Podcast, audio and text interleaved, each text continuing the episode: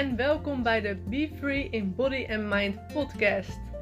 Deze podcast gaat over vrij zijn op alle manieren die er zijn in het leven. Jezelf vrij voelen in je lichaam en in je mind. We hebben het in deze podcast over sporten, bewegen, mindfulness en hoe je nou goed voor jezelf kan zorgen, zodat jij op nummer 1 komt te staan in jouw leven. Hey mooie lieve vrouwen en welkom bij een nieuwe podcastaflevering van Be Free in Body and Mind podcast. En dit is de eerste van 2022. het is alweer een tijdje geleden dat ik een podcast heb opgenomen. En ik vind het altijd heel jammer, want ik vind het super leuk om te doen. Alleen soms life happens. En zeker met een kind kan je niet altijd alles plannen. Ehm, daarbij vind ik het belangrijker dat ik mijn klanten de aandacht geef uh, als ik tijd extra over heb, dan dat ik een podcast opneem. Maar goed, ik zal beloven in het nieuwe jaar weer vaker een podcast op te nemen. En ik heb ook super toffe plannen om hele mooie vrouwen verder te gaan interviewen. Um, dus stay tuned en ik uh, neem je mee in het hele proces. Nou is dit een hele andere aflevering. Een aflevering die ik al een tijdje voor jullie uh, in gedachten heb. Uh, omdat deze podcast heet ja, Vrij zijn. Um, vrij zijn in je leven, vrij zijn in je lichaam. Um, en dat wil ik altijd bereiken met mijn klanten door de gezondste keuzes te maken voor hunzelf. Voor hunzelf, voor hun lichaam en voor hun mind. Want zoals je misschien wel weet, is gezonde keuzes maken bestaat niet uit gezond eten en sporten. Het bestaat uit zo ontzettend veel meer. En dat is juist waar ik al mijn klanten altijd bij help. Omdat ik en fitness trainer ben en mindfulness coach, kan ik deze twee dingen heel goed samen combineren. En help ik dus daarbij vrouwen om echt de gezondste keuzes te maken voor hun lichaam en voor hun mind, zodat ze echt op elk vlak in hun leven veel meer geluk gaan ervaren, veel meer vrijheid gaan ervaren en zich echt veel blijer gaan voelen. Nou ga ik dit ook in 2022 nog veel um, meer uitbreiden en ga ik ervoor zorgen dat ik een aanbod heb die ja, voor iedereen haalbaar is. Verschillende uh, financiële um, doelen voor mensen die haalbaar zijn, maar ook haalbaar zijn om bijvoorbeeld in hun eigen tijd te doen of echt close met mij te werken, één op één. Daar heb ik ook altijd een, eh, een, een klein aantal plekjes voor. Um, dus ja, dan ga ik ook helemaal veel, veel verder uitbreiden. Want ik ben gewoon super enthousiast over de gezonde keuzes maken voor je lichaam en je mind. Omdat ik weet uit ervaring wat daar allemaal uit voort kan komen. Um, en daarom wil ik je vandaag meenemen in een hele bijzondere podcastaflevering. Namelijk, ik ga beginnen bij um, de tijd dat ik voor het eerst alleen op reis ben geweest. En zoals je misschien in de titel hebt gelezen, gaat het dus over mijn reis naar de Seychelles. En wat ik daar allemaal zelf heb geleerd over mezelf, over het leven en over bepaalde keuzes maken voor mezelf. Want het is echt een paradijs, maar er zit ook een hele donkere kant aan. Namelijk op het moment dat ik op reis ging, was mijn eh, langste relatie toen ooit uitgegaan uh, met een jongen waarbij ik mee samenwoonde. En we hadden allebei, we allebei, we woonden samen in een, een koophuis. um, was voor mij super heftig. Want ik dacht echt, ja, op een bepaald level dat ik oud met hem zou worden. En we hadden ons leven zo ingericht dat, ja, alles klopte gewoon. Ik was nog vrij jong, dus ik was 24 toen het uitging, denk ik. Um, daar heb ik wel eens vaker over verteld. Maar dat was voor mij echt een omslag in mijn leven.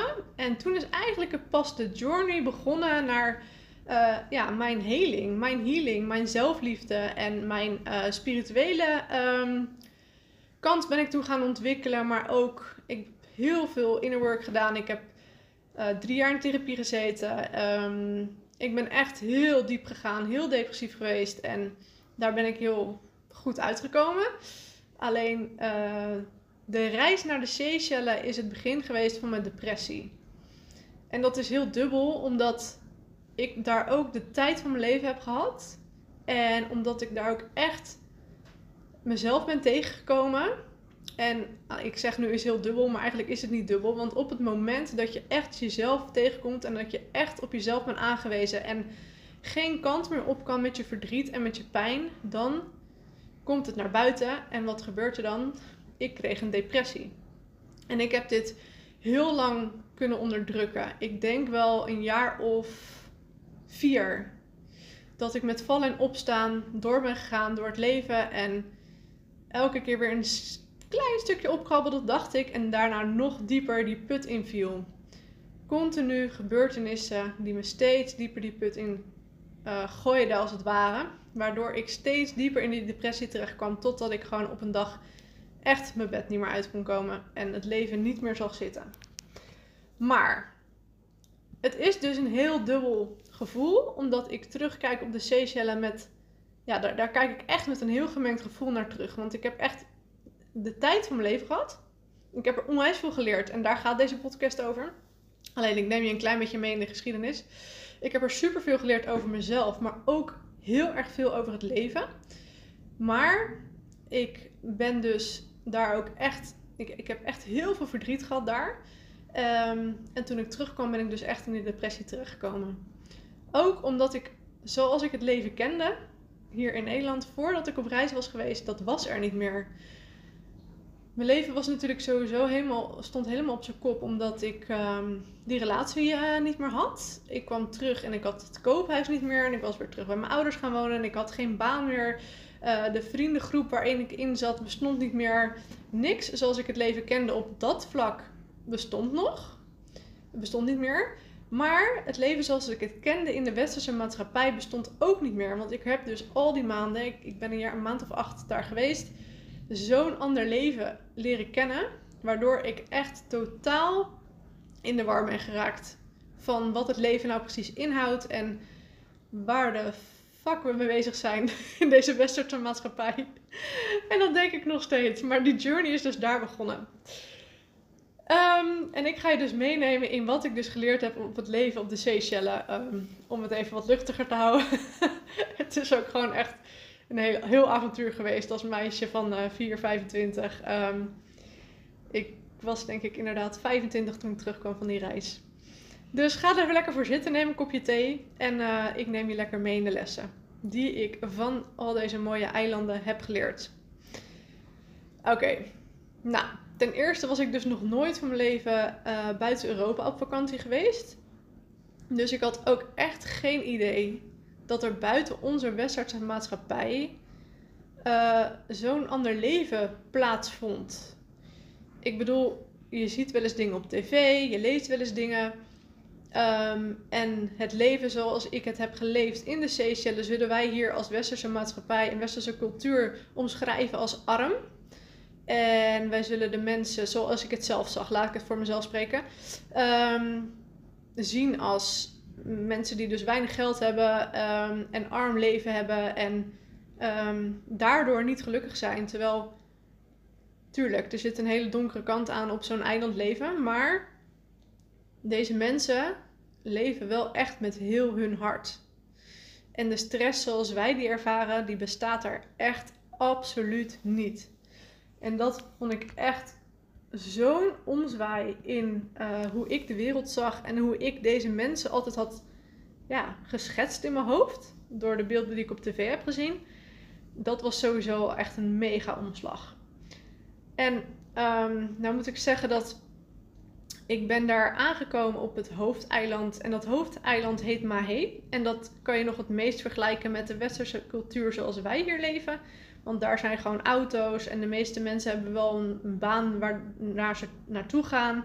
Um, ze hebben een redelijk luxe huis waar ze in wonen. Um, gewoon met ramen en deuren. Uh, ze hebben altijd allemaal wel een televisie. En ze hadden toen allemaal wel een dvd-speler. Het is een tijdje terug, hè. Internet was er in de huizen nog niet. Maar dat was toen de tijd hier ook upcoming. Dus um, daar kan ik nog niet helemaal van spreken. Uh, maar ze leefden wel gewoon redelijk het leven zoals wij het hier kennen. Alleen dan wel, poeh, pak een beet. Nou, ik zal zeggen 30, 40 jaar terug in de tijd. En dan op een tempo van ongeveer 40% minder dan dat wij het kennen. Dus dat is natuurlijk sowieso al een heel groot verschil. Um, dus toen ik daar aankwam, was mijn grootste ja, struggle was dan wel eigenlijk hoe langzaam alles ging. En hoe raar dat ook klinkt, want ik bedoel, je zal toch denken hoe relaxed is het dat alles wat minder gestrest is en wat langzamer is. Dat ik zat gewoon voor mijn gevoel in het begin dagenlang te wachten totdat we weggingen, omdat we dan een afspraak hadden. Uh, dus ik zat helemaal klaar, maar dan gingen we pas twee uur later naar die afspraak bijvoorbeeld. Dat soort dingetjes, daar liep ik heel erg tegenaan in het begin. En ik weet ook wel dat ik de eerste week best wel heimwee had naar huis. En ik dacht echt, oh, hoe moet ik hier, want ik zal in eerste instantie twee maanden gaan. Hoe moet ik hier in godsnaam twee maanden lang uh, mijn tijd vol zitten? Ik vond het vreselijk. Maar nu weet ik uit ervaring ook natuurlijk precies wat er gebeurde. Want ik had geen afleiding meer. 9 van de 10 keer beginnen mensen in het Engels tegen je te praten. En op het moment dat ze enthousiast zijn in hun verhaal, als je ergens in het buitenland bent, dan gaan ze over in hun eigen taal. Dus 9 van de 10 keer wist ik niet waar het over ging, waardoor ik altijd in mijn eigen wereldje zat. En ik niet meer weg kon rennen voor mijn gevoelens. Wat het dus zo ontzettend heftig maakte dat ik daar zo was. Um, maar wat ook echt juist mijn keerpunt is geweest in mijn healingproces en alles wat er daarna gekomen is. En de keuzes die ik tegenwoordig maak voor mezelf. Maar goed, ik ging na twee weken naar het kleinste bewoonde eiland en dat heet Ladik. En op Ladik uh, zijn er geen auto's. Daar ga je echt, oh, nou ja, ik ben heel slecht met jaar, uh, geschiedenis, maar ik denk 100 jaar terug de tijd in. Er zijn er geen auto's. Uh, de klanten, ik zeg nu klanten, want ik heb daar dus heel lang als ehm, local geleefd. Maar de, de clients, zo noemden we dat altijd, de, de mensen die daar op vakantie kwamen, de clients, die werden vervoerd in een oscar. Dus echt een os, een koe, uh, met een houten kar erachter. En zo brachten we hun naar hun hotel of uh, verblijf. Um, er waren een paar trucks waarin er dus wel eens dingen vervoerd worden, maar dat was echt, dat waren dan de trucks van bedrijven. Er was één hele grote supermarkt, heel groot. hoor, mij nou, ik moet echt heel erg lachen om mezelf. Heel groot is nog steeds de kleinste supermarkt die je hier in Nederland kan voorstellen. Maar deze supermarkt was uh, vrij prijzig voor daar en die had de meest luxe producten, want die man op het eiland die deze supermarkt had, die had ook de um, uh, pizzeria en die had dan de meest luxe producten die er verkocht worden. Dus even voor je beeldvorming. Um, we woonden daar zo met een ja, kleine groep mensen. Ik ben heel slecht met getallen, maar ik zal zeggen 2000. Als het niet minder is. Um, en we deden alles op de fiets. Er waren dus een paar Oscarren voor de clients. En ja, verder was er niet veel. Er waren wat toeristenwinkeltjes. Er was één ATM, één bank. Uh, er was een politiestation met volgens mij twee agenten. Maar die lagen echt letterlijk 9 van de 10 keer voor het bureau te slapen. Zoals je dat wel eens in een film ziet. Dat is echt hilarisch. Ja, en verder was er volgens mij één luxe hotel. En dan was er nog een soort van uh, bed and breakfast. En toen was Airbnb bestond toch nog niet, maar sommige mensen verhuurden dan wel eens een kamer op, uh, van hun huis of zo. Maar dat moest dan een beetje allemaal onder de tafel, want dat was volgens mij niet helemaal legaal of niet de bedoeling uh, dat dat op die manier werd gedaan. Maar goed, dus we leefden in een heel kleine populatie. Uh, ik denk een kwart van het eiland is ook maar bewoond en de rest van het eiland is allemaal jungle en natuur. En er is me wel eens verteld dat doodsoorzaak nummer 1 op het eiland is dat mensen een kokosnoot op hun hoofd krijgen. en ik moest daar heel om lachen. Maar het is echt zo. Want op het moment dat ik fietste, in het donker meestal, dan uh, hoorde je ritselen en dan wist je dat er een kokosnoot uit de boom ging vallen. Gelukkig over de weg heen um, viel het wel mee, maar dan hoorde je ze ook echt keihard uit de boom vallen. Dus je moest echt uitkijken.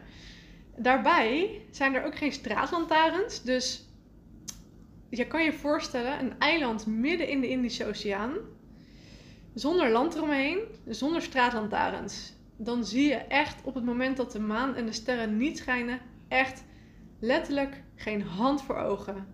Op het moment dat je je ogen dicht doet, zo zie je het.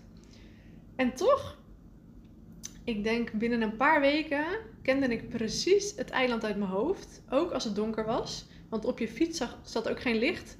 En kon ik gewoon precies fietsen. Op de een of andere manier zag je op, op een bepaald, bepaalde manier de weg lopen. En wist ik precies hoe ik naar huis moet fietsen zonder dat ik een lampje aan moest zetten of uh, mijn telefoon bij moest schijnen. Want je zag dan wel eens dat die uh, toeristen hadden dan zo'n hoofdlampje op, op hun fiets. En het gevaarlijke was dat iedereen rijdt daar links. En de toeristen gingen dan vaak aan de rechterkant rijden. Ja, en dan had je vaak bijna een botsing. Dus als je de bocht omging, dan moest je echt wel even roepen dat je eraan kwam. Anders dan uh, kon je een toerist op je fiets krijgen. als ik het nu zo vertel, dan klinkt het echt alsof ik mega terug in de tijd was. Maar dat was ik ook echt. Dus ja, een beetje om het uh, te schetsen hoe het er daaraan toe ging. Ik woonde bij een vrouw in huis, die was toen de tijd 45. Um, dat, uh, ja, was super gezellig. Ik had een wijze leuke klik met haar. Ze had een dochtertje van 7. Um, ehm, ja, was gewoon onwijs leerzaam. Van deze vrouw heb ik ook echt heel veel levenslessen geleerd. En um, ja, we leefden daar dus echt op een totaal andere manier dan dat je hier kan voorstellen. En het allerbelangrijkste is, is dat het leven daar dus echt honderd keer langzamer is. Alles gaat super langzaam. Iedereen, ik, wou, ik wil dus nu zeggen, iedereen is altijd te laat, maar de tijd die je afspreekt met iemand is een richtlijn en daar pint niemand zich aan vast. Op het moment dat jij gaat werken, dan hou je je ook aan richtlijnen. Op het moment dat de mensen daar bijvoorbeeld hadden besloten dat ze genoeg hadden verdiend op een dag, als ze voor zichzelf werkten, uh, dan stopten ze ook letterlijk met werken, ook al was het 12 uur s middags. En dan gingen ze naar de shop. Er waren een paar van die shopjes langs de kant van de weg. En dan gingen ze een, uh, een Guinness drinken, een biertje drinken. En ja, wat er dus daar gebeurt, is dat de mensen allemaal met z'n allen in de bosjes gaan zitten en gaan drinken. dat is een beetje een van de grootste hobby's die ze daar hebben. Alcohol. Uh, en samen zijn en in de natuur zijn. Dus ja, op het moment dat ze klaar waren met werken, vonden ze zelf, dat hadden ze bijvoorbeeld omgerekend 10 euro verdiend. Dan gingen ze naar de winkel, en dan gingen ze naar de shop en dan gingen ze een biertje halen en dan gingen ze in de bosjes zitten met z'n allen lekker uh, wat drinken. ja, ik vond het ook heel bijzonder toen ik daar aankwam, maar dit is een beetje hoe ze hun dag voelen, vullen. Daarbij uh, leefden we daar echt heel erg vanuit de natuur. Dus de eerste punt, het eerste punt wat ik dus echt geleerd heb, is daar om echt langzaam te gaan leven. Waardoor er geen tijd meer is om ja, weg te lopen van je gevoelens, als het ware. Wat wij dus altijd in deze maatschappij heel erg doen. Het weglopen van onze gevoelens, onze gevoelens verdoven door middel van uh, shoppen, uh, druk zijn, uh, alcohol, medicatie. Nou ja, goed, je hebt het me al vaker horen zeggen alle afleidingen die wij hier hebben in de, in de westerse maatschappij, waarvan we denken dat we gelukkig worden, zoals bijvoorbeeld heel veel kleren kopen, heel veel dure spullen in je huis, is eigenlijk vaak een afleiding van de kern van wat er echt speelt in je leven en waar je voor wegloopt. Is natuurlijk niet zo dat het kleren kopen niet leuk mag zijn, dat is het absoluut wel, maar het kan echt een middel zijn om weg te blijven van je pijn, de kern van waar je nu mee zit. En die afleiding was daar niet meer. Waardoor ik dus echt heel erg met mezelf geconfronteerd ben. En laat ik je vertellen, ik was nog nooit alleen op reis geweest. Laat staan, ik was nog nooit buiten Europa geweest. Dus laat staan in zo'n andere cultuur in mijn eentje naar zo'n ontzettende verandering in mijn leven was echt wel heftig. Dus dat was echt les nummer 1. Ik kon niet meer weglopen voor mijn gevoelens. En les nummer 2 is leuker. Ik heb daar echt geleerd uh, om van de natuur te leven. Want zoals je kan voorstellen, op een tropisch eiland groeit heel veel fruit. En daar leefden we ook echt van. Maar niet alleen van het fruit, we leefden ook van de zee. Dus voornamelijk van seafood, van vis, wat we zelf vingen. Want alles op zo'n eiland moet geïmporteerd worden. Ze hebben daar geen uh, boerderij waar de koeien geslacht worden of de geiten gemolken worden of weet ik veel wat, zoals we het hier kennen. Uh, zoals het in massaproductie hier in uh, de westerse maatschappij gaat. Nee, daar had je eigenlijk voornamelijk alleen maar rijst, met vis. En het was echt super lekker hoor, laat ik dat voorop stellen. Brood, zoals wij dat hier kennen, hebben ze ook niet. Ze hadden wel een beetje van dat getooste brood. En dat was echt heel vies, droog, wit brood. Beleg bestond daar niet. Um, je had alleen maar soms van die hele vieze plastic cheddar cheese. Dat noemden ze dan ook echt kaas. Heel soms werd er kaas geïmporteerd uit Nederland, maar dan betaalde je echt voor een stukje van, uh, weet ik veel, 5 centimeter, betaalde je echt meer dan 10 euro was echt extreem duur. Omdat alles op zo'n eiland geïmporteerd moet worden, leef je dus echt van wat er op het eiland is. Want de spullen die geïmporteerd zijn, die zijn gewoon niet te betalen voor de lokale bevolking. Ik denk wij als toeristen daarheen gaan dat we daar nog wel eens wat voor uit willen geven. Maar de lokale bevolking gaat echt niet. Er waren op een gegeven moment bussen pringels geïmporteerd op het eiland. En die waren toen de tijd volgens mij 10 euro omge, ehm, omgerekend 10 euro per bus. Ja, dat gaat een lokale dat gaat de lokale bevolking gewoon nooit kopen. Dus dat is echt veel meer iets voor de toeristen geweest. Dus je moet je voorstellen dat alles wat geïmporteerd moet worden, is natuurlijk dubbel zo duur. Want dat moet met de boot vervoerd worden naar het hoofdeiland. En daarna van het hoofdeiland moet het weer geïmporteerd of vervoerd worden met de boot naar het kleine eiland. Er is geen vliegveld, dus alles komt per boot. Het grappige is dus ook dat als je een flesje drinken, uh, een cola flesje of een bierflesje of whatever hebt, dan veeg je altijd je, je flesje af, want die is zout van de zeewater.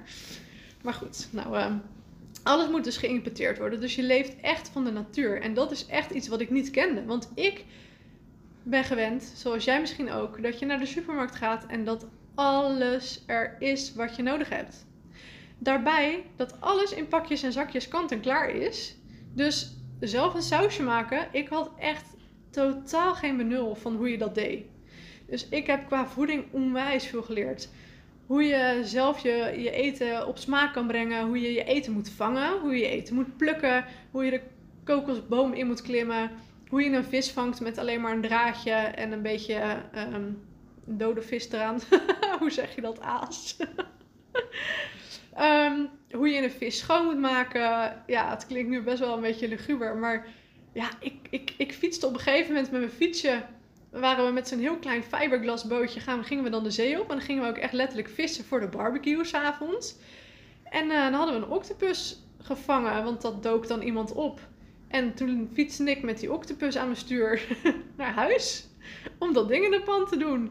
Ja, je kan het hier niet voorstellen, maar goed, zo gaat het daar gewoon. Of um, we hadden een keer zo'n hele grote barracuda gevangen. Dat is een hele lange vis.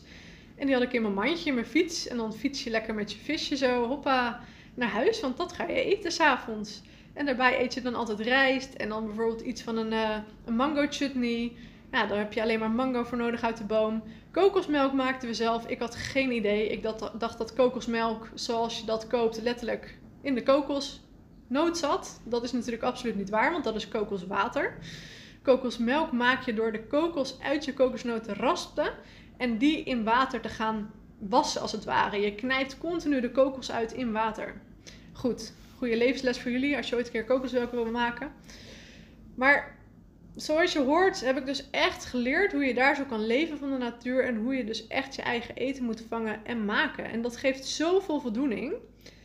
Dat op het moment dat je hier zo natuurlijk ook wederom weg wil lopen voor je gevoelens, ga je vaak snijden. En dat kan daar niet. Want op het moment dat je iets lekkers wil eten, zou je er eerst zelf achteraan moeten gaan. Je moet het eerst gaan vangen. En daarna moet je het eerst gaan klaarmaken. Waardoor je zoveel waardering krijgt uit je maaltijd. Uh, dat het snijden, dat zit er niet bij. Als we daar trek hadden in patat, dan moesten we aardappels gaan kopen. Aardappels gaan schillen. Aardappels in stukjes gaan snijden. Aardappels voor gaan koken. En daarna pas de aardappeltjes bakken. Want dan had je pas patat. Snap je wat ik bedoel? Alles was een heel langzaam proces. Het leven was dus veel langzamer, maar dat kwam ook omdat alle processen daar niet versneld zijn. Zoals dus het voedingsproces. En daar heb ik ook zoveel van geleerd en daar ben ik zo ontzettend dankbaar voor. Wederom ook weer, ik werd teruggefloten naar mezelf. Uh, om ook eens eventjes mijn eigen ja, voedinginname onder de loep te nemen. Om te zien hoe slecht ik voor mezelf kon zorgen. Omdat op het moment dat de supermarkten hier zo dicht zullen zijn, zal ik niet eens weten hoe ik mijn eigen eten moet maken, verbouwen, klaarmaken. Dus ja, dat was ook echt een mega grote levensles voor mij. En ook het weglopen van je gevoelens door bijvoorbeeld wat ik vaak doe, is chocola eten. Was daar niet. Er was daar geen snoep. Er was daar geen chocola. Dus ja, weer werd ik heel erg op mezelf teruggewezen. Dan ga ik naar de derde les die ik geleerd heb van de Seychelles. En dat is ook wederom het leven in de natuur. Ik heb je het stukje voeding meegegeven. En ik zei het net ook al een klein beetje. We leefden daar bijvoorbeeld heel erg met de maan. En dat is iets wat wij hier zo in de westerse maatschappij helemaal niet doen. Je ziet wel dat het steeds meer upcoming is. Ehm, zoals bijvoorbeeld de maan gelijk staat aan je menstruatiecyclus. Heb je daar ooit wel eens bij nagedacht? Dat soort dingen zijn echt super belangrijk. Ehm, en daarbij was de maan ook voor ons gewoon echt een bron van licht. Dus op het moment dat het volle maan was, dan konden we s'avonds en s'nachts dingen gaan doen. Je moet je voorstellen dat de Seychellen ligt heel erg gelijk aan de evenaar. Dus het was daar om 6 uur s ochtends licht, bam. En ook echt binnen een kwartier. En 6 uur s avonds donker, bam. Ook binnen een kwartier. Echt, dat gaat razendsnel daar. Dat is niet zo dat het, net als hier, dat het echt mega lang schemerig is. Dat gaat echt van de een op de andere uh, minuut, bijna. Dus op het moment dat het volle maan was, dan hadden we veel meer speling. Want dan konden we bijvoorbeeld uh, op het strand gaan barbecuen. Want ja, we hebben daar niet, uh, weet ik veel, zaklantaarns en straatverlichting. Dus op het moment dat je gaat barbecuen op het strand, is het super fijn dat, um, dat je de volle maan erbij hebt. Zodat je ook echt de weg weet erheen. Veilig al je spullen erheen kan vervoeren. En dan gingen we lekker een vuurtje stoken op het strand. Dus vaak als het volle maan is, was, dan gingen we dat ook echt letterlijk vieren. Dus elke maand hadden we ja, een soort van volle maanceremonie.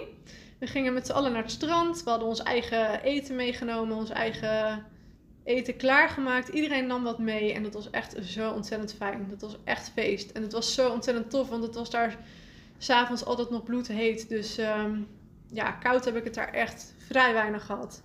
Ik heb daar volgens mij ook echt nog nooit een lange mouw aan gehad. Soms een lange broek als we uitgingen. Want er waren wel van die tentjes met live muziek. En schoenen, Nee, heb ik ook nog nooit aangehad. Altijd lekker op je blote voeten. Ook een levensles van de natuur, op je blote voeten lopen. Echt letterlijk gronden met jezelf in de natuur. Klinkt misschien een beetje zweverig, maar echt, het is super goed voor je om af en toe lekker naar buiten te gaan op je blote voeten, omdat je dan echt helemaal letterlijk kan gronden. Maar goed, we leefden dus echt met de maan en de sterren. Dus op het moment dat het volle maan werd, gingen we dat ook vieren en hadden we veel meer vrijheid om buiten te zijn, omdat we veel meer zagen. Daarbij leefden we natuurlijk ook echt altijd buiten. Dus dat was ook één met het natuurleven, omdat ja, de huizen waren altijd allemaal open. Um, het huis waar ik woonde stonden altijd alle ramen en deuren open. En die konden eigenlijk ook gewoon helemaal niet op slot. Dus je was eigenlijk letterlijk altijd buiten. Ook al was je binnen, je was gewoon buiten. S'nachts ik heb ook in huizen geleefd trouwens, want ik, ik had later een vriendje gekregen daar en toen ben ik bij hem gaan wonen. En die woonde in huizen zonder ramen.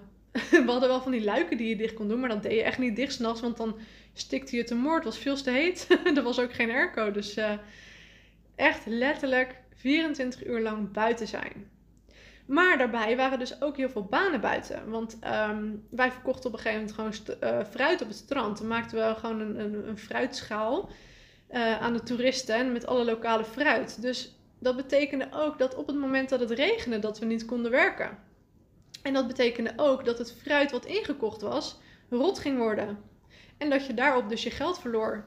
Dus alles was één met de natuur. De natuur besloot voor ons wat we konden gaan doen, hoeveel geld we konden gaan verdienen, of we nieuw fruit moesten gaan inkopen, uh, hoe lang we konden werken op zo'n dag. En op zo'n tropisch eiland kan er, kunnen er echt mega plensbuien vallen. Dat, dat wil je echt niet weten. Daar kan je echt niet in staan. Ja, tuurlijk, je kan erin staan. Je kan er letterlijk je haar in wassen als een douche.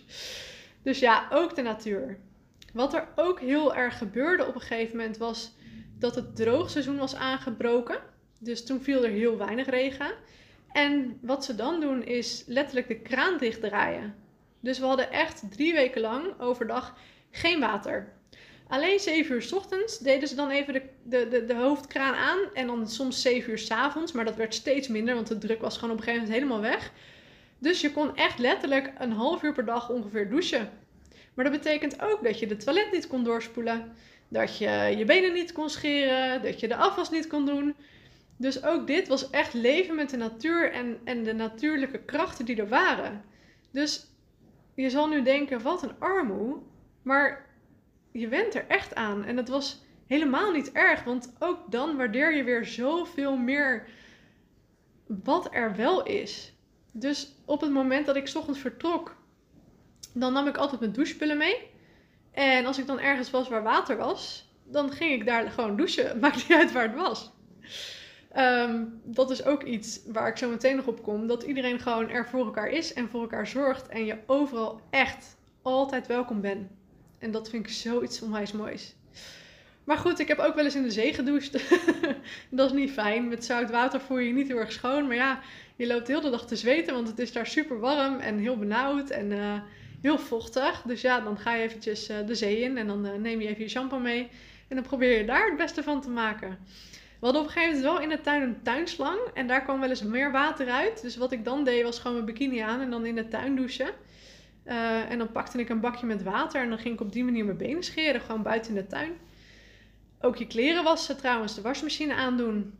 Um, ja, daar moest echt water voor zijn. Dus ja, ook deze drie weken waren onwijs een leerschool voor mij. Dat op het moment dat de natuur besluit dat er een moment geen water is, dat er ook echt geen water is.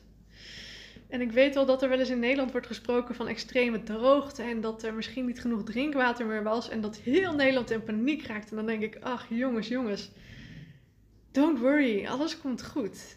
En dat vind ik ook echt weer zo'n ontzettend mooie levensles die ik mee heb genomen. Het maakt niet uit. Alles komt altijd goed. En wat ik dus net ook al zei, wat ik ook zo ontzettend mooi vond, en ik weet dus niet meer bij welke les we zijn, maar laten we dit de vierde les noemen, denk ik. Is dat iedereen er altijd voor elkaar is en dat iedereen met elkaar leeft en niet apart in hokjes leeft, zoals wij hier in Nederland. En dat is iets waar ik momenteel nog steeds zo onwijs veel last van heb. Dat iedereen hier voor zich leeft. Echt het is gewoon echt, we zijn een mega egoïstisch volk. En ik ben, ik bedoel, ik ben echt niet beter hoor. Laten we dat voor opstellen. Maar um, wat doen wij nou echt letterlijk voor elkaar? Weet jij hoe het met de buren om je heen gaat, bijvoorbeeld? Weet jij of er iemand in je omgeving hulp nodig heeft uh, die bij jou in de buurt woont? Weet jij of iemand te weinig eten op zijn tafel heeft? Of gewoon al dat soort dingen. En wat gebeurt er als jij bij 6 uur s avonds bij iemand aanbelt? Ik denk dat iemand heel geïrriteerd wordt, want je zit te eten, ga weg. En wat zal er gebeuren als je geen slaapplek meer hebt? Neem jij zomaar iemand in huis?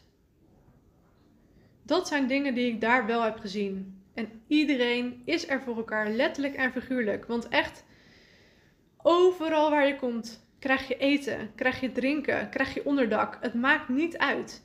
Mensen lenen zelfs elkaars fiets en zetten hem weer netjes terug. Ehm, je mag over. Ik bedoel, ik heb dus bij mensen in huis gewoond. Ik zal misschien als ik daar nooit was geweest denken, nou, nou, ben je wel te veel daar. Nee, echt niet. Mensen zijn er voor je. En je mag dus overal eten, slapen, drinken. Het maakt niet uit. En daarbij is het ook nog eens zo dat als ik wel eens bijvoorbeeld naar de supermarkt ging in het begin, dan vroeg er iemand buiten de supermarkt of ze een roepie mochten lenen. Dat is misschien een paar cent. En dan dacht ik, ja, doei. Jij denkt zeker, ik ben rijke uh, buitenlander en ik heb geld, dus ik ga geld aan jou uh, lenen. Zo dacht ik in het begin echt. En nu schaam ik me er zo erg voor. Want dit is helemaal niet wat mensen denken. Dit is hoe het gaat. Iedereen leent geld, voor, iedereen leent geld aan elkaar. En iedereen zorgt voor elkaar. En iedereen zorgt dat iedereen ook eten heeft. En als je ergens geld tekort hebt, dan krijg je dat van iemand. En er zit zoveel minder taboe op dan dat wij hier hebben. En dat vond ik zo wijs mooi om te zien. En ik, ik, ik ben zo dankbaar om dat meegemaakt te hebben. Dat, dat mensen er echt nog voor elkaar zijn. En op een heel ander niveau dan dat wij hier zijn. Waar ik het meeste last van heb als ik in Nederland ben, is dat iedereen naar zijn werk gaat. En dat we dan naar terugkomen. En zeker in de winter de deuren dicht doen, de gordijnen dicht doen en de tv aandoen. En ik vind het echt vreselijk. En ik, ik kan er echt een beetje depressief van worden. Dat en, en het is ook heel moeilijk te veranderen hier. En zeker als je er weer in zit, is het ook moeilijk te veranderen. Ik vind het zelf ook heel moeilijk om, om hier wat aan te doen. Wat ik nu vaak doe is, ook al is het donker en koud, ik ga s'avonds gewoon nog lekker wandelen. Ik zet lekker mijn muziekje op en ik ga toch nog naar buiten. Om maar gewoon buiten te zijn. Maar ja, dat is dus echt totaal iets anders in daar zo in de Seychelles. En wat ik al zeg, iedereen is overal bij elkaar welkom. Iedereen ziet elkaar elke dag. Iedereen drinkt wat met elkaar elke dag.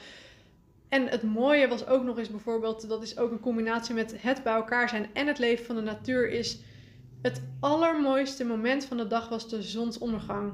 En we verzamelden ons altijd met z'n allen bij elkaar op de jetty, dat, dat was de pier waar alle boten aankwamen, of op het strand om naar de zonsondergang te kijken. Dat, dat is gewoon een ding daar. Ik bedoel, hoe fantastisch is dat? dat is wel iets wat ik hier altijd probeer te doen. Als, als het een mooie zonsondergang is, dat ik er gewoon eventjes uh, ja, naartoe ga. Naartoe ga. dan ga ik ook naar buiten. En ook als het koud, maakt niet uit. Ik ga altijd kijken naar de zonsondergang. Want echt, de zonsondergang is zo magisch. Ik vind dat zoiets magisch. En ik kan er echt niet genoeg van krijgen. En ja, dat vond ik echt fantastisch daar. Dat iedereen de dag met elkaar afsluit. Op die manier. Neem gewoon lekker je drankje mee, voetjes in het zand. En in plaats van achter de tv gaan zitten met de gordijnen dicht, met z'n allen naar de zonsondergang gaan kijken. Zie je het al voor je hier? Dat jij met heel de buurt uh, op een bankje gaat zitten met de zonsondergang, met een biertje erbij. Ja, ik wel, maar helaas is de werkelijkheid hier iets anders. dus goed, het leven met elkaar en met de natuur, echt mega grote levenslessen. Daarbij is dus ook veel meer sociale controle voor oudere mensen, maar ook bijvoorbeeld voor moeders. En dat vind ik ook iets supermoois. Um, ik heb me, en ik voel me nog steeds wel eens in het moederschap best wel eenzaam. Ik bedoel, als René naar zijn werk is, dan zit ik hier alleen binnen met mijn kindje. Uh, en er zijn geen andere moeders om me heen. En er, zijn, er is gewoon niemand die heel eventjes de zorg kan overnemen, zodat ik um, ook iets voor mezelf kan doen of even tot rust kan komen. En dat vind ik echt wel heftig hier. En dat is in de Seychelles zomaar anders. Iedereen zorgt voor elkaars kind. Ik bedoel, die vrouw waarbij ik in huis woonde, die had een dochtertje van zeven. En er wordt altijd voor haar gezorgd. Door iedereen om haar heen. Uh, en als wij iets leuks gingen doen, dan, dan namen mensen vanzelfsprekend dat kindje eventjes uit, uit haar handen om op haar te passen. Of uh, eten te geven of ze mocht daar logeren. Ehm, iedereen zorgde voor elkaars kind. En daarbij was dus de sociale controle zo mooi. En daarbij was het communityleven dus veel, veel meer aanwezig dan dat wij hier uh, hadden. En ja, dat, dat vind ik zo ontzettend fantastisch. Ik, uh, ik, dat is ook echt iets wat ik heel erg mis hier zo. Dus ja, het sociale leven en de sociale controle. Echt fantastisch. Daarbij zijn de mensen in de Seychelles veel meer verbonden met hun um, uh, spiritualiteit. Um, misschien ook op andere manieren dan dat wij het misschien kennen, maar ze geloven daar bijvoorbeeld nog heel erg in voodoo. Uh, en dat zie je ook wel eens terug. En ze geloven daar best nog wel in black magic. Ik heb me daar persoonlijk nooit heel erg in verdiept, maar um, ja, ik vind het heel moeilijk uitleggen. Maar op het moment dat je op dat eiland bent voor langere tijd, en zeker op uh, op Ladique, op dat kleinste eiland, omdat je zo dicht bij de natuur leeft. En mm, merk je wel dat daar veel meer ja, krachten zijn. Ik heb daar veel meer meegemaakt op spiritueel vlak dan dat ik ooit in mijn leven heb meegemaakt en um, ooit heb gevoeld. Ik heb daar bijvoorbeeld echt bijna dagelijks déjà vu's gehad. En ik heb daar echt ik heb wel eens vaker dromen gehad die uit waren gekomen, maar daar had ik echt dagelijks dromen ehm, van dingen die er later zijn gebeurd. En dat klinkt misschien heel raar als je hier niet in gelooft, maar daar zal ik ooit misschien ook nog eens een podcast over maken. Maar het was echt bizar. Um, daarbij heb ik ook echt dingen gezien um, ja, die ik niet kan verklaren. Ik heb ook dingen gevoeld die ik niet kan verklaren. En daarbij geloof ik dus echt dat er veel meer krachten, spiritualiteit is op het eiland dan dat er bijvoorbeeld hier is dan in Nederland. Ik weet niet of je ook wel eens hebt gehoord dat bijvoorbeeld in, op Ibiza, dat er ook veel meer heerst op die manier. Dat Ibiza ook bepaalde krachten heeft, waardoor je veel creatiever gaat worden. Nou ja, goed, op de Seychelles en zeker op, op Ladique heb ik dat ook heel erg meegemaakt. Ehm, ik zal even een klein voorbeeldje noemen. Ik woonde op een gegeven moment bij twee jongens in huis. En uh, we pasten op, nou, pasten op een huis. We woonden in een huis van een vrouw die echt niet lang daarvoor was overleden. En um, ik sliep ook op haar slaapkamer samen met mijn toenmalige vriend. Um, en ik moest s'nachts naar de toilet en ik wou graag water drinken. En dat staat altijd in de koelkast. Je kan natuurlijk niet echt uit de kraan drinken daar. Maar dan moest ik een gangetje door naar de woonkamer. Je hebt daar trouwens geen huizen met verdiepingen, dus alles is gelijkvloers. Dus ik stapte uit de slaapkamer en ik keek naar de woonkamer door een lange gang. En ik heb wel vaker dat ik, uh, dat ik zomaar in huis ineens soort overvallen word door angst. Dat heb ik overigens nooit buiten, maar daar had ik het dus ook binnen. En um, ik bleef ook echt letterlijk staan, alsof ik aan de grond genageld was. En ineens zag ik in de woonkamer allemaal kleurtjes, alsof de maan op het water schijnt en dat deint heen en weer. En dat, dat, dat was niet verklaarbaar, want er waren geen lampjes daar. En zoals ik al zei, er waren geen straatlantaarns, er was geen water. Uh, en ineens kwam er een hele grote witte bal voorbij zweven door de woonkamer heen. En het zweefde echt letterlijk. Het, liep niet, het was geen beest, het, zweefde over de grond heen. En op dat moment schrok ik zo erg dat ik de slaapkamer in ben gerend en ik heb het deur slot gedaan. En uh, nou ja, goed. Ik uh, vertelde het die dag daarna aan die gasten en die lachten me uit. Die zeiden, haha, Sapsa, ghost. Maar het was echt zo. En die dag daarna heb ik in het donker daar weer gestaan. Om te kijken of die lichtjes bijvoorbeeld van de DVD-speler afkwamen, van de tv of whatever. Maar dat, was gewoon niks. Helemaal niks. Het was zo onverklaarbaar. Dus nou ja, goed. Dit soort dingen heb ik daar vaker meegemaakt. En daarbij um, ben ik dus ook veel meer gaan geloven in mijn eigen spirituele krachten en dromen die vaker uitkomen. Maar ook veel meer gaan luisteren naar mijn intuïtie. En dat is eigenlijk de levensles die ik mee wil geven. Ik ben veel meer gaan luisteren naar mijn intuïtie en mijn gevoel. Uh, dit is iets wat ik daarvoor echt totaal niet deed. Ik, ik, wist, ik was niet meer niet eens bewust van mijn gevoel en mijn intuïtie. Dus laat staan dat ik ernaar kon luisteren. Maar op het moment dat ik dit soort dingen steeds vaker meemaakte en steeds vaker droomde um, wat er ging gebeuren, ben ik er ook veel meer naar gaan luisteren. Waardoor het me ook echt hielp. En waardoor ik veel dichter naar mezelf ben gekomen. En ja, dus ook veel meer mijn pijn heb durven aan te kijken, die ik daar zo ja, echt onder ogen moest komen door alles wat ik dus net vertelde. Omdat ik ook echt op mezelf was aangewezen dat er geen afleiding meer was van mijn pijn. Um, ben ik echt naar mijn gevoel gaan luisteren. En mijn gevoel was op dat moment echt niet oké. Ik bedoel, ik voelde me echt, ja, 9 van de 10 keer echt super, super down toen al. Juist omdat ik zo blootgesteld werd aan alle gevoelens die uh, in mij speelden. Dat, ja, het was gewoon heel heftig. Maar het heeft me juist heel erg geholpen om nu nog steeds. Want ik ben dat steeds verder gaan ontwikkelen en ik ben er steeds meer over gaan lezen. Steeds meer. Ik ben op een gegeven moment natuurlijk mijn mindfulness cursus gaan doen een mindfulness coaching opleiding. Um, heb ik daarna gedaan. Ik heb eerst een mindfulness cursus gedaan. Daardoor ben ik steeds meer gaan leren luisteren naar mijn gevoel, naar mijn intuïtie en uh, naar mezelf. Ja, en dat, dat vind ik dus gewoon echt. Dat heeft me zo erg geholpen om dus ook mijn hart te gaan volgen. En dat is ook daadwerkelijk waar ik klanten steeds meer bij help. Ja, op het moment dat je dus gezondere keuzes maakt voor je body en je mind.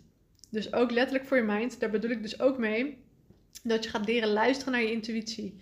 En naar je hart uh, en naar jezelf en je hart gaat volgen. Dus luisteren naar mijn intuïtie heb ik ook echt heel erg geleerd daar. Um, en ook omdat er dus gewoon veel meer spiritualiteit was op het eiland. Veel meer dan dat wij kennen. En ja, ik heb daar gewoon veel meer van geleerd. En ik ben er veel meer op gaan leren vertrouwen. En het was daar ook niet gek. Dus daardoor kon ik ook veel meer praten met mensen erover. Waardoor ik ook veel meer opene gesprekken had over dingen die misschien in onze wereld onverklaarbaar zijn. En dat vond ik echt super fijn. Dus ja, dat waren echt mijn allerbelangrijkste lessen die ik heb geleerd op het leven. Van het leven op een heel klein geïsoleerd eiland. Waar alle gemakken van de westerse maatschappij niet aanwezig zijn. En zoals ik de podcast al begon, het was echt en het is nog steeds super dubbel. Ik denk er nog steeds super dubbel aan terug. Want het was echt de donkerste tijd van mijn leven begon daar.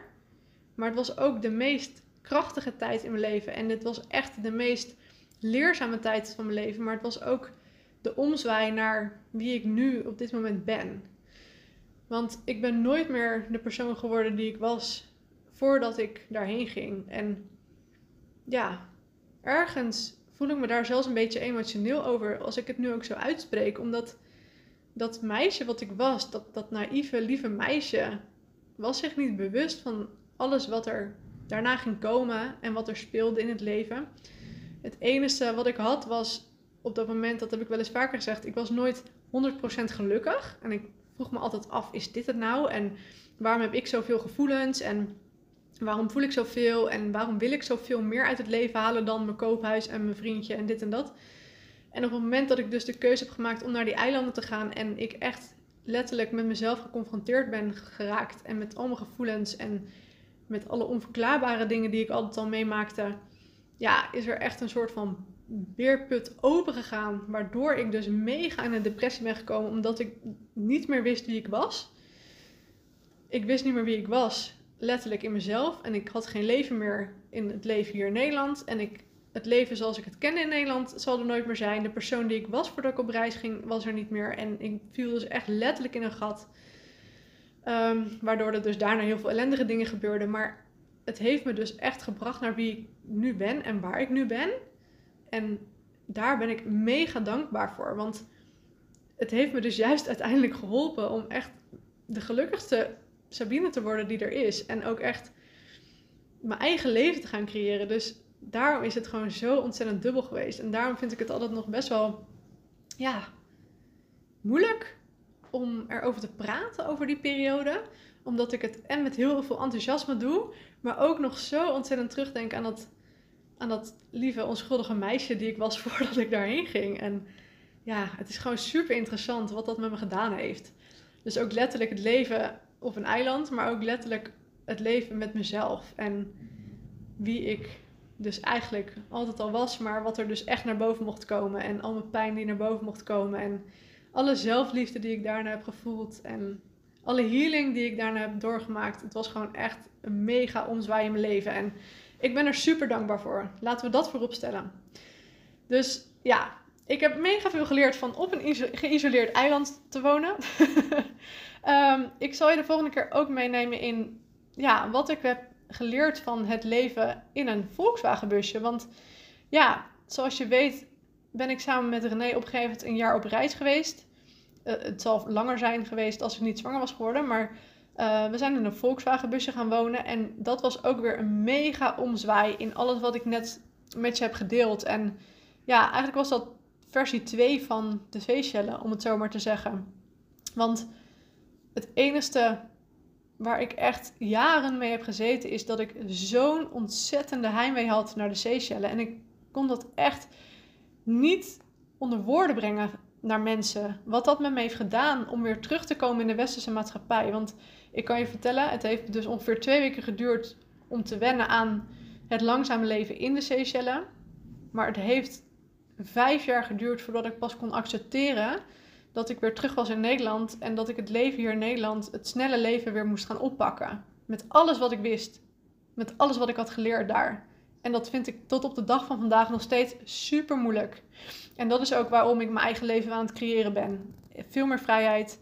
En op een gegeven moment gaan wij ook met het gezin weg uit Nederland. En ehm, ja, gaan we gewoon ons eigen vrije leven creëren op ons eigen tempo. Want dat is gewoon iets wat je zelf moet creëren. Maar het, het heimweegevoel daarheen kwam voort omdat ik dacht dat ik nooit meer zo'n leven kon gaan creëren.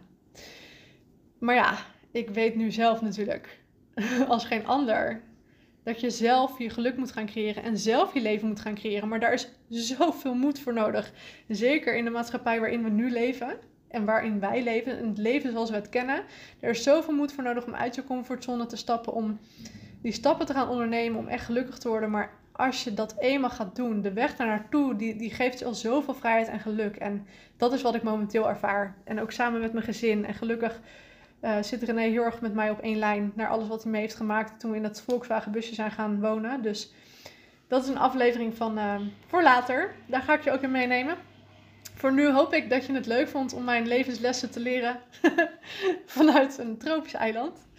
Laat me alsjeblieft weten wat je van deze podcast vond. Dat vind ik echt super tof. En je helpt me echt heel erg door deze podcast te delen in je verhaal, in je stories of in een post. Uh, om meer onder de mensen te brengen.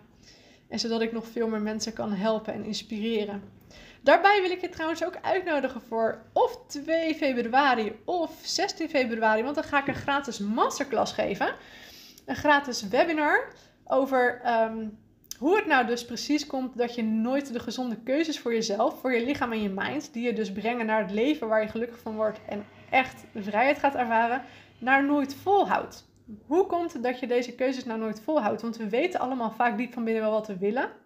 We weten wat de gezonde keuzes zijn voor ons lichaam, Onze mind is soms nog een beetje een uitdaging, maar ook daarin ga ik je vertellen hoe je dat kan gaan creëren. De webinar heet hoe jij, dit is hoe jij jezelf saboteert als het aankomt op gezonde keuzes maken. En ik zal het super tof vinden als je erbij bent. Um, is helemaal gratis. Ik zet de link hieronder in de beschrijving. Dan kan je je opgeven en dan hoop ik dat ik je een van die datums zie. Dan kan je ook luisteren naar mij. Um, maar ik ga je ook meenemen in een uh, oplossing voor um, dit probleem. Dus stay tuned. 2 februari of 16 februari.